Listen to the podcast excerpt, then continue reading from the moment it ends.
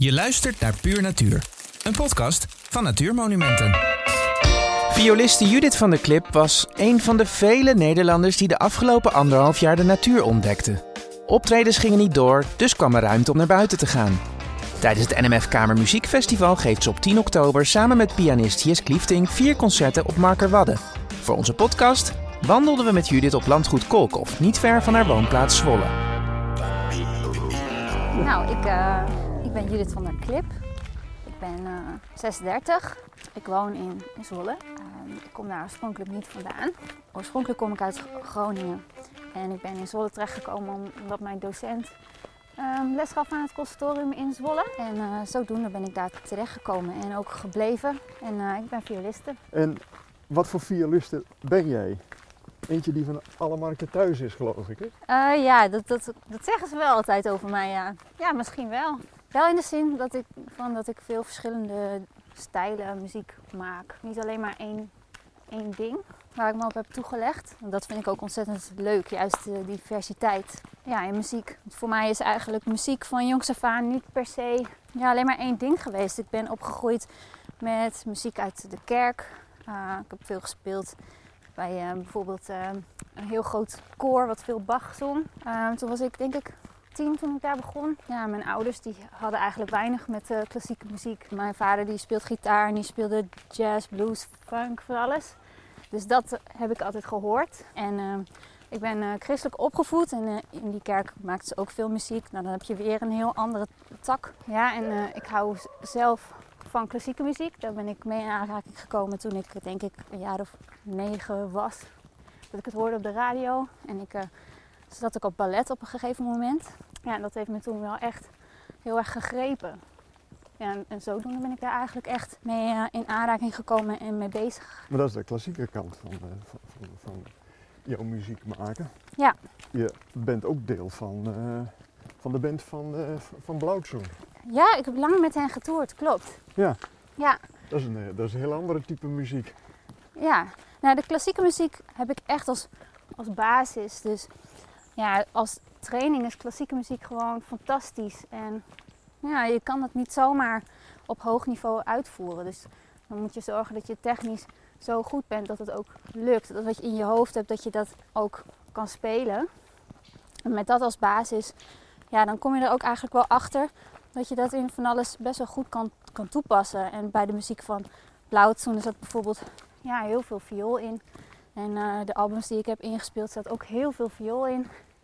En uh, ja, dat hele orkestrale en dat uh, gevoel, maar ook kennis die erbij komt kijken, kan je daar heel makkelijk toepassen. En ik voelde me nou best wel thuis. Ja, ik, ik, vind het, ik, ik ben wel een beetje fan van, uh, van. Ik denk dat ik de, de, eerste keer gezien heb op het Bevrijdingsfestival in Zwolle. Ja. Um, in, in, in een kleine tent. Toen was hij nog maar net begonnen. Was ik misschien één keer bij de Wereldrijd Door geweest. En, uh, en nou ja, het pakte me meteen. Het, uh, juist in nou, dat rijk gearrangeerde met, met, met strijkers en, en blazers. Dat, uh, dat sprak me meteen wel aan.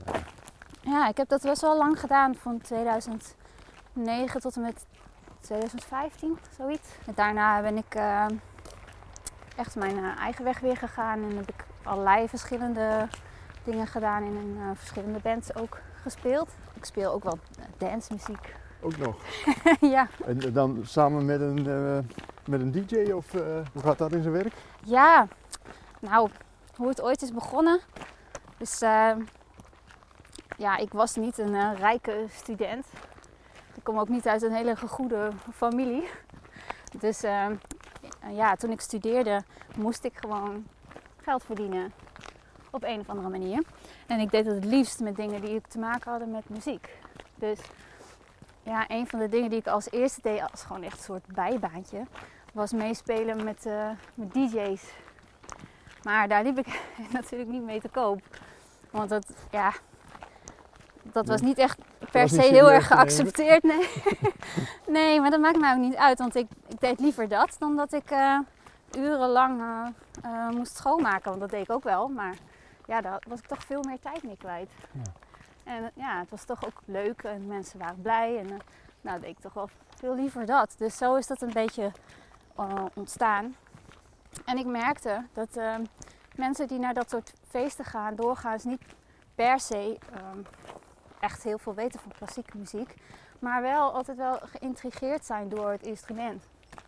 Dus ik kreeg wel vaak vragen ook voor mensen van, oh je speelt viool en ja, sinds wanneer dan? En uh, wat voor muziek dan? En dan gaan ze je volgen en op die manier dan uh, zien ze wat andere dingen, gaan ze wat andere dingen luisteren. En als ik ze dan later eens tegenkom, dan vertellen ze aan mij van nou, ik heb dit en dat geluisterd. Gewoon klassieke muziek, zeg maar. Ja. ja. Ja. dus ik vind dat eigenlijk wel een leuke, leuke functie daarvan. Om, omgaan. Deze of die? Nee, die, uh, die scherpe bocht. Oh. oh, leuk. Dan lopen we zo even met het gezicht naar het landhuis toe. Oh, mooi. Ja, ik las dat, uh, dat hij gebouwd was in 1850. Ja, van de familie van Dedem. Oh, echt Volgens mij heel nog erg steeds. mooi. Die, uh, die hebben ook iets te maken met de Dedemsvaart. Oh, Dus die hebben een uh, rol gespeeld in, in de ontginning van een groot deel van de provincie. ja, ik moet zeggen dat ik daar nog niet zoveel verstand van heb.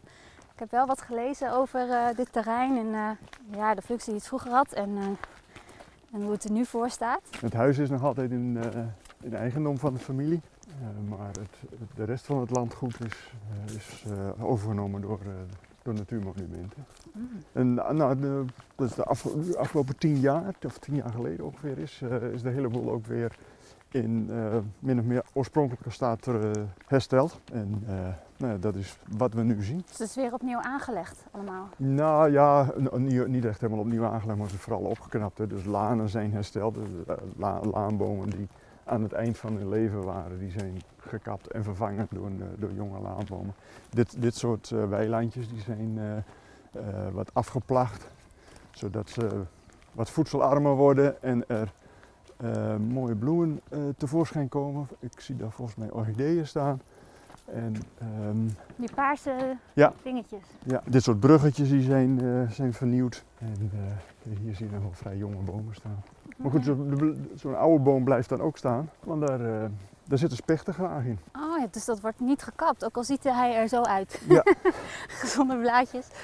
Nee, hij is hartstikke dood. Ja. Valt hij dan niet om op een gegeven nou, moment? Dat, dat moet natuurlijk goed in de gaten gehouden worden. Maar uh, er komen heel veel insecten op, op zo'n boom af. En spechten komen weer op die insecten af. Ja, ik heb niet zoveel verstand van uh, hoe bomen heten en uh, nee. vogels. Maar kom je wel veel buiten aan de wandel? Ja, steeds meer eigenlijk. Ja? Ja. Nou, ik denk net als iedereen sinds corona dat we graag naar buiten gaan. En dingen doen die nog wel kunnen, zoals wandelen onder andere. Maar daarvoor, ik heb altijd wel, uh, ja, misschien is het iets te sterk woord, maar ja, ik heb wel verlangd naar het in de natuur zijn, ook als kind. Ja, ik woonde op een plek waar wat aangrenzend was aan uh, weilanden en bos. En nou, ik mocht van mijn ouders alleen maar in ons hofje eigenlijk komen. Maar dat deed ik natuurlijk niet.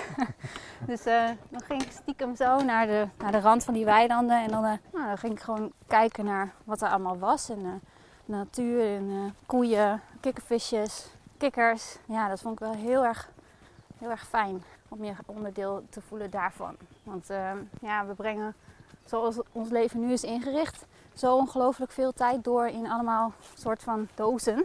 Ja, ons, ons huis is gewoon een soort doos. De auto uh, een soort doos. En ons telefoon zitten we de hele tijd op, is ook een soort doosje. We zijn allemaal zo ingekapseld in dozen de hele tijd. Terwijl ik niet denk dat wij zo gemaakt zijn om zo te leven. Dat merk ik aan mezelf in ieder geval wel. Dat als ik buiten ben, in de natuur, dat, uh, dat ik al iets meer afstand kan nemen van de dagelijkse dingen en het allemaal wat meer in perspectief kan zien. Dat je gewoon ziet hoe groot eigenlijk alles is. Dat je ja, in de stedelijke omgeving steeds niet verder kan kijken dan die muren om je heen en de straten. En ja, het geeft wel een soort ingekapseld gevoel. En dus dan ga je er vaker op uit om dat, iets van vrijheid te voelen, ruimte te voelen. Waar, waar ga je dan vaak naartoe? Ja, overal eigenlijk.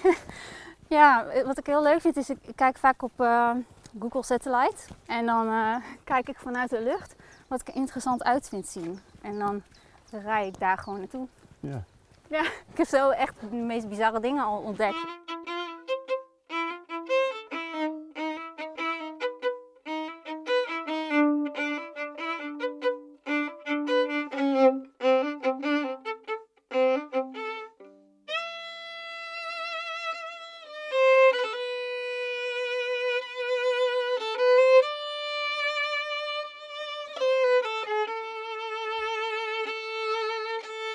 En nu zijn we hier dus op landgoed de Kolkhof. Ja, Hoe bevalt je dat? ja goed.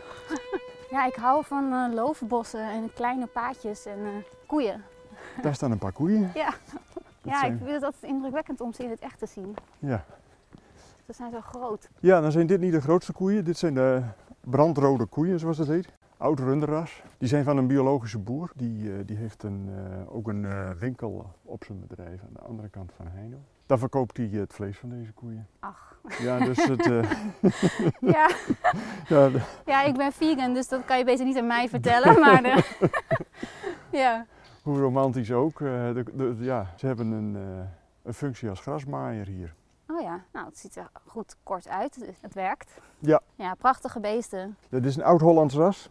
Dat werd vroeger eh, eh, vrij veel gebruikt omdat ze zo, zowel melk, eh, voor de melkproductie goed zijn als voor de vleesproductie. En hoe heet dat? Brandrode koeien zijn dat. Ik vind het wel mooi om te zien dat ze nog horens hebben. Ja, Die worden er vaak afgehaald. Ja.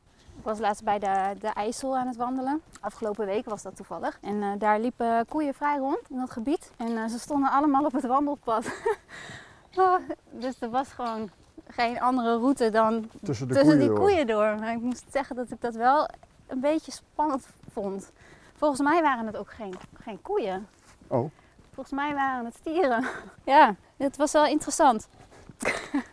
maar je hebt het overleefd, eh, zo te zien. Ja, nou, ze keken ons wel een beetje aan de hele tijd van nou, wat doen jullie hier? Maar nou ja, ze waren het natuurlijk ook wel gewend. Ja, we hebben het overleefd.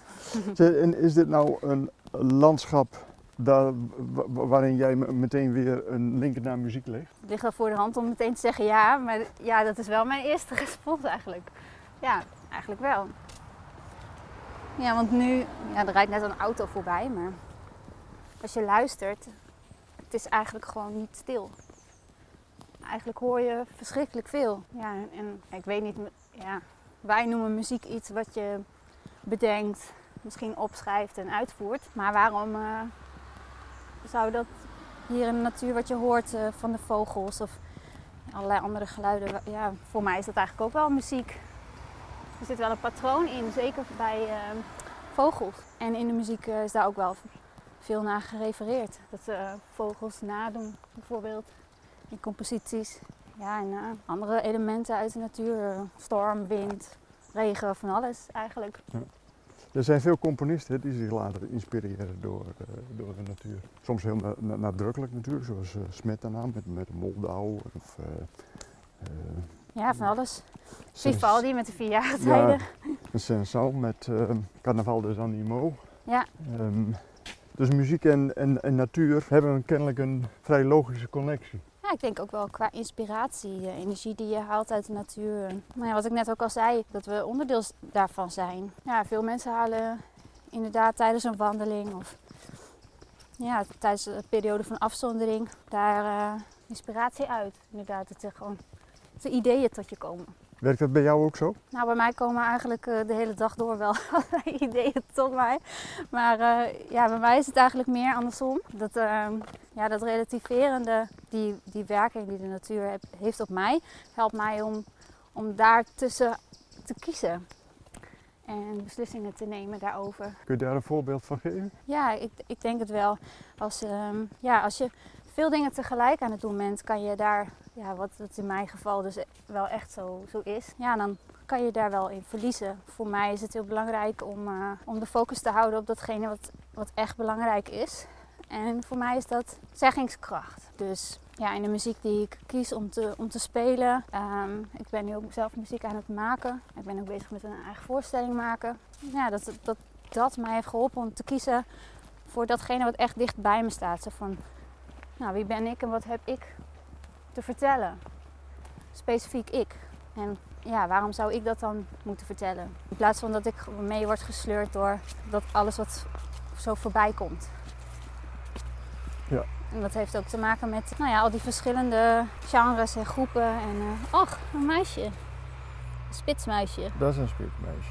Oh, wat klein. Ja, dus dat is wel een, eh, een voorbeeld daarvan, denk ik. Ja, en als ik dicht bij mezelf kom, dan nou, dat helpt me ook. Ik neem bijvoorbeeld veel op. Voor heel veel verschillende artiesten neem ik strijkers op. En eh, componeer daar ook wel voor. En arrangeer. Ja, en de, datgene wat, ehm, wat ik daar dan bij voel, daarvoor moet je gewoon concentratie hebben en je ja, een beetje invoelen in de muziek en kijken wat past daarbij. En ja, die concentratie, dat echt dicht bij jezelf zijn, dat vind ik soms lastig als ik inderdaad gewoon langere tijd niet buiten kom. Door die red race een beetje wordt meegenomen. Ja. Dus voor mij is het echt super belangrijk dat ik dat wel doe. En die concentratie die ik dan voel, zoals nu met die frisse lucht en de rust. En dat je ook gewoon even alleen kan zijn. Ja, die concentratie, die neem ik dan wel weer mee. Dus in die zin beïnvloedt dat wel mijn, mijn keuzes en ook wat er, ja, hoe dat tot uiting komt. En, en ehm, dan ga je najaar op het Kamer Muziekfestival spelen. Ja. Weet je al wat je gaat spelen? Ehm, nou, we zijn nog bezig, eh, ik en mijn pianist, om eh, het programma eh, rond te maken. Maar we weten in ieder geval wat het thema is. Het thema is dansmuziek. Waarom dansmuziek? Nou, dat is eigenlijk omdat, heel kort gezegd, alles pulseert. Alles is cyclisch. En dans heeft te maken met dat pulserende, ritme. Ja, je hebt op macroniveau dat ritme in de natuur. Maar ook op mi- microniveau bijvoorbeeld in dans of je hartslag. Dat soort dingen. En ehm, daarom vonden we dat wel een mooi thema. Ehm, ja, en dansmuziek, dat is ook van alle tijden. Ik denk dat zo muziek misschien, dat was misschien wel de eerste functie, los van eh, een soort religieuze functie. Maar ik denk dat dans ook wel een belangrijke functie is van muziek. Ja. Dat je iets hebt om op te bewegen. Ja, dat is heel, heel erg veel dansmuziek geschreven. Dus we gaan van de barok tot nu selectie maken. Ik heb al wel wat dingen in mijn hoofd die ik graag wil doen. Waaronder eh, een eh, deeltje uit de partita van Bach. Ja, en wat, wat moderne dingen. En, en hou, hou, hou- hou je bij de keuze van de stukken die je gaat spelen dan ook rekening met de locatie waar je het moet opvoeren? Ja, dat is wel wat lastig, want het is wel een hele bijzondere locatie. Ja, de Marker Wadden. Ja, echt zo mooi. Maar dat het eh, door ons gemaakt is. Ja, ja, maar je bent er nog niet geweest. Nog niet, nee. Dus eh, het wordt één grote belevenis. Ja. Nee, nee niet, niet speciaal, nee. Nee. Nee, maar ja, ik doe het samen met eh, Jisk eh, Liefdink. En met hem heb ik een duo waarmee we van ja, populaire muziek, klassiek geïnspireerde arrangementen maken. En daarom past het ook wel bij ons om dit zo te doen. En ook bij de Markenwarden? Nou ja, dat, dat hoop ik. ja, ik hoop het.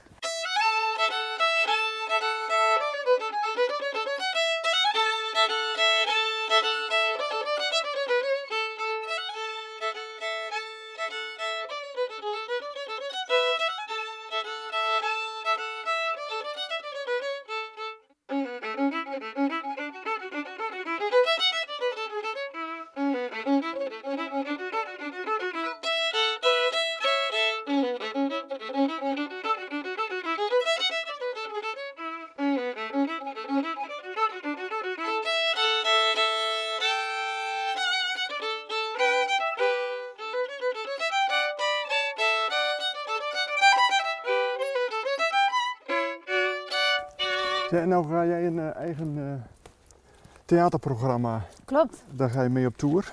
Nou ja, dat is de bedoeling, maar ja. Eerst moet je het nog helemaal kunnen ontwikkelen. Dat kost heel veel tijd en geld natuurlijk, maar dat is ook afhankelijk van hoeveel je het kan gaan spelen en waar je het kan gaan spelen. En eh, dat, die vraag is op dit moment best interessant. Zeker voor nieuwe voorstellingen. Ja. Omdat, eh, ja, programmering is doorgeschoven. En daarna nog eens doorgeschoven. Dus dan op een gegeven moment wordt alles helemaal op elkaar gepakt. Er zijn heel veel voorstellingen en ja, ik weet niet persoonlijk of mensen nu ook ineens drie keer zo vaak naar een voorstelling gaan. Ik denk het eerlijk gezegd niet. Hoewel mensen wel heel blij zullen zijn, denk ik, dat ze weer Hm. kunnen. Ja, dus, maar ik ga van het meest positieve uit. Dus eh, het onderzoek is in ieder geval eh, gestart. Ehm, ja, en het, eh, het gaat over mijn eh, viool. Over jouw viool. Ja, Wat is daarover te vertellen? nou dat, dat eh, gaan we onderzoeken. Ja, de viool waar ik op speel is van het eh, Nationaal Muziekinstrumentenfonds. Die heb ik in Bruikleen.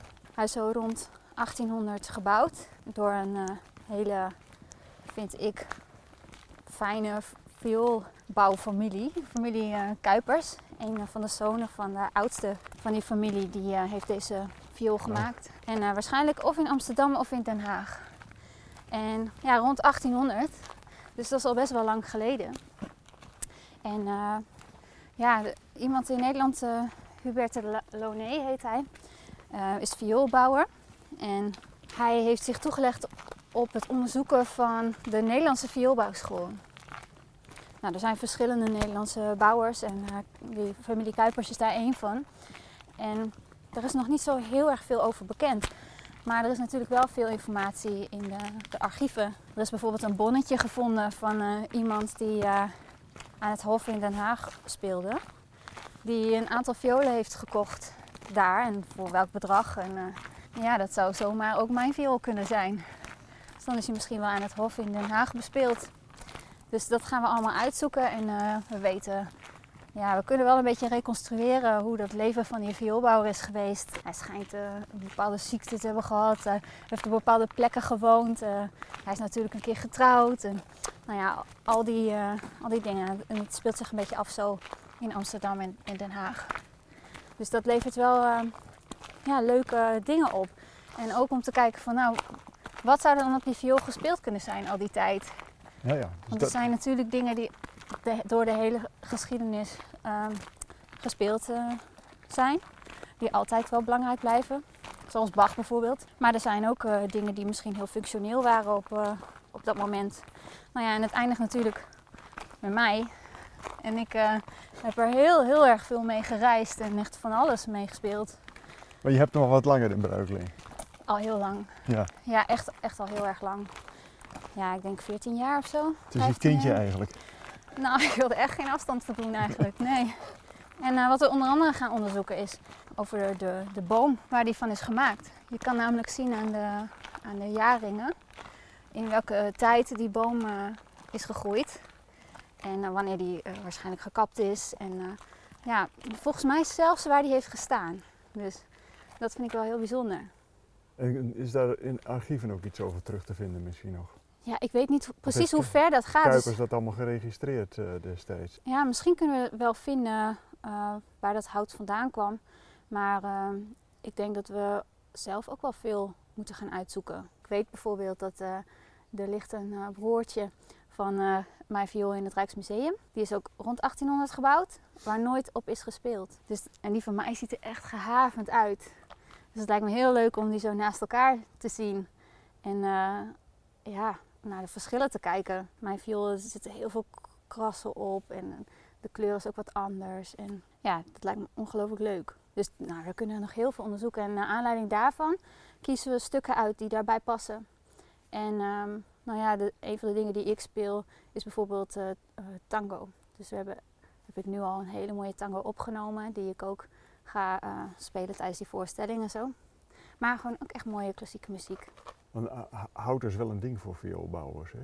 Ja, super belangrijk. Ja. Ja, ja, dat is echt heel erg belangrijk. Ja, voor de, voor de klank van een viool natuurlijk en hoe dicht de nerven op elkaar zitten. En, maar ook hoe het eruit ziet. Som, som, sommige soorten hout die, eh, ja, die glanzen of spiegelen op een bepaalde manier. Als je dat dan, eh, het, lijkt, ja, het lijkt bijna parelmoer als je dat dan zo beweegt. Ja, en ehm, je hebt violen die bestaan dan bijvoorbeeld uit één achterblad, sommige uit twee aan elkaar gemaakt. Maar ook eh, hoe oud het hout is. Als het al heel oud is en het is helemaal uitgewerkt, dan heeft die viool een bepaalde klank en dan weet je dat dat de klank is die die viool houdt. En als het nog heel nieuw hout, hout is, dan is dat nog niet helemaal het geval. Dus dan kan het nog een beetje veranderen.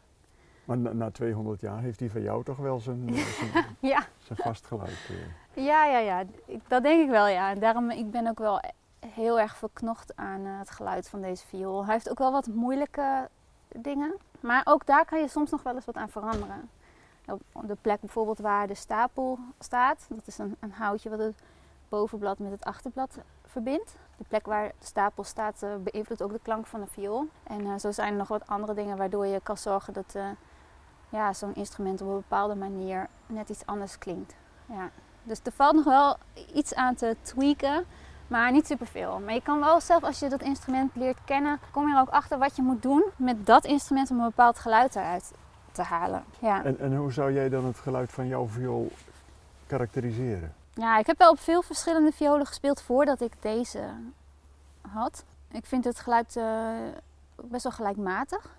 Het is niet altijd zo. Soms zijn de eh, hogere snaren bijvoorbeeld heel erg veel eh, harder of zit er meer, ja, een beetje meer i-achtig geluid in. Ja, die van mij klinkt wel vrij rond. Ik hou bijvoorbeeld ook heel erg van uh, altviolen, om, omdat ze echt een beetje zo'n houtklank hebben. Een beetje warm en groot.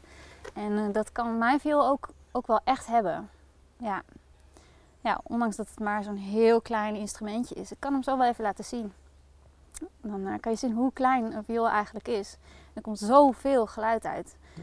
En die connectie dat je nou, een stuk hout van een boom kan nemen en daar iets van kan maken en dat het dan zoveel geluid produceert, vind ik echt heel bijzonder. Ja, ja. nou laten we eens even kijken. Ja.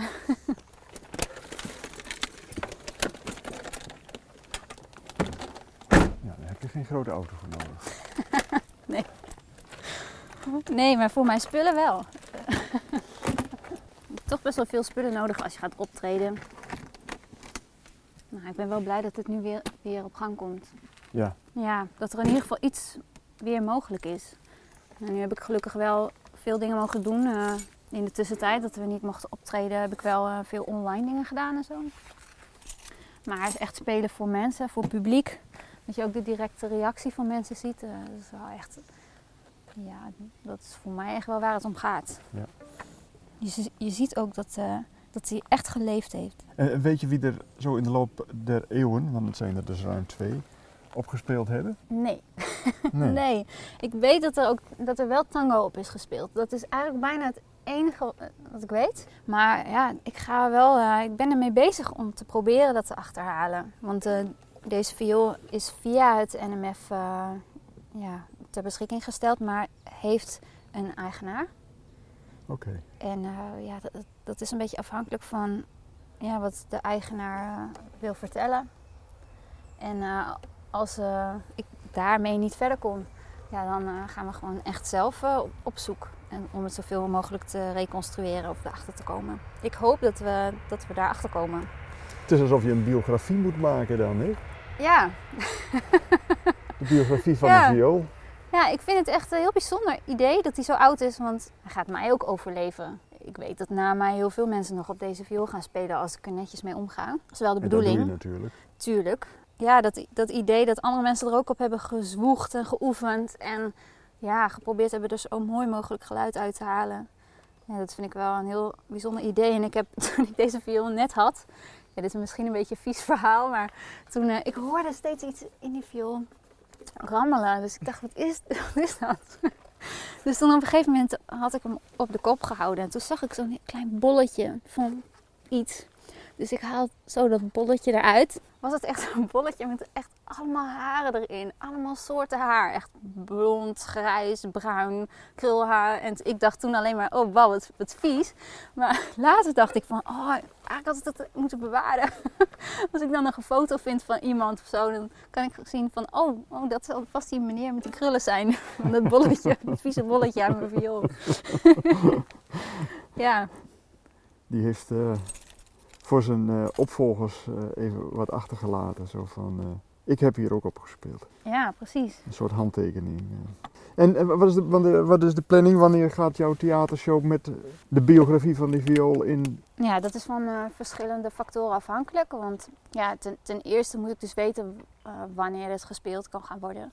Dus dan maak je afspraken met zalen en dan, nou, dan kijk je hoe dat gaat. We hebben wel al dingen staan. Dus dat is wel fijn, of in ieder geval toezeggingen. Maar ja, dan uh, tot die tijd, je moet ook uh, dat onderzoek inderdaad afronden. Ja, er komt gewoon ontzettend veel bij kijken. Dus ik hoop dat het allemaal uh, door kan gaan. En wat mij betreft zo snel mogelijk. Mm -hmm. Maar ja, ik... En ga je dan alleen optreden? Of heb nee, je nee, nee, nee. een heel ensemble bij? Ja, ja, ja. Ja, het gaat echt om de viool. Dus die staat voorop. En... Um, uh, ja, ik wil die viool zo goed mogelijk laten horen, laten horen wat hij kan. En het verhaal vertellen van, van die viool. En uh, dat kan ik niet alleen, want die viool is niet altijd alleen maar solo bespeeld. Dus ja, om dat zo goed mogelijk uh, te laten horen, heb ik strijkers, andere strijkers uitgenodigd om mee te spelen. En Tobias Borsboom, een hele goede pianist. En een bandoneonist. En daarmee uh, gaan we die verschillende stukken spelen. Dat hebben we ook al gerepeteerd. een aantal stukken waarvan ik al wel weet dat we die gaan spelen. Ja, en daar ben ik heel erg blij mee, want zo kan je de veelzijdigheid van het instrument goed laten horen. En het is ook gewoon gezellig en leuk. En ook leuk om te zien natuurlijk. Ik hoop echt uh, dat er weer veel, heel veel mogelijk is. En dat we echt mogen spelen voor veel publiek. Ja, dat we meer mensen kunnen bereiken. Ja, en zoals ik toen ik jong was, uh, via een, een omweg eigenlijk in aanraking gekomen ben met muziek die echt voor viool geschreven is. Uh, en klassieke muziek. Ik hoop eigenlijk dat ik dat ook voor uh, jonge mensen en kinderen kan zijn. Dat uh, nou, bijvoorbeeld ouders of opa en oma's denken van oh, dat is leuk om, om naartoe te gaan met onze zoon of, of dochter. Dat, omdat, het, omdat het ze aanspreekt. Ja, soms dan zie je iets en dan denk je van ah, ik kan er eigenlijk alleen maar naartoe als ik daar heel veel verstand van heb. Want ik zie daar een componist staan, maar ja, ik weet eigenlijk niet zo goed wie dat is of wat ik moet verwachten. En dat, dat creëert toch misschien een soort afstand. En mensen die heel chic gekleed zijn. En ja, dat, ik hoop eigenlijk dat te overbruggen. Zodat iedereen het idee heeft van, nou, dat is ook iets voor mij, daar kan ik ook naartoe. Maar dat ze toch naar die muziek kunnen luisteren, die voor mij in ieder geval heel belangrijk is geweest. Dat, dat gun ik eigenlijk iedereen.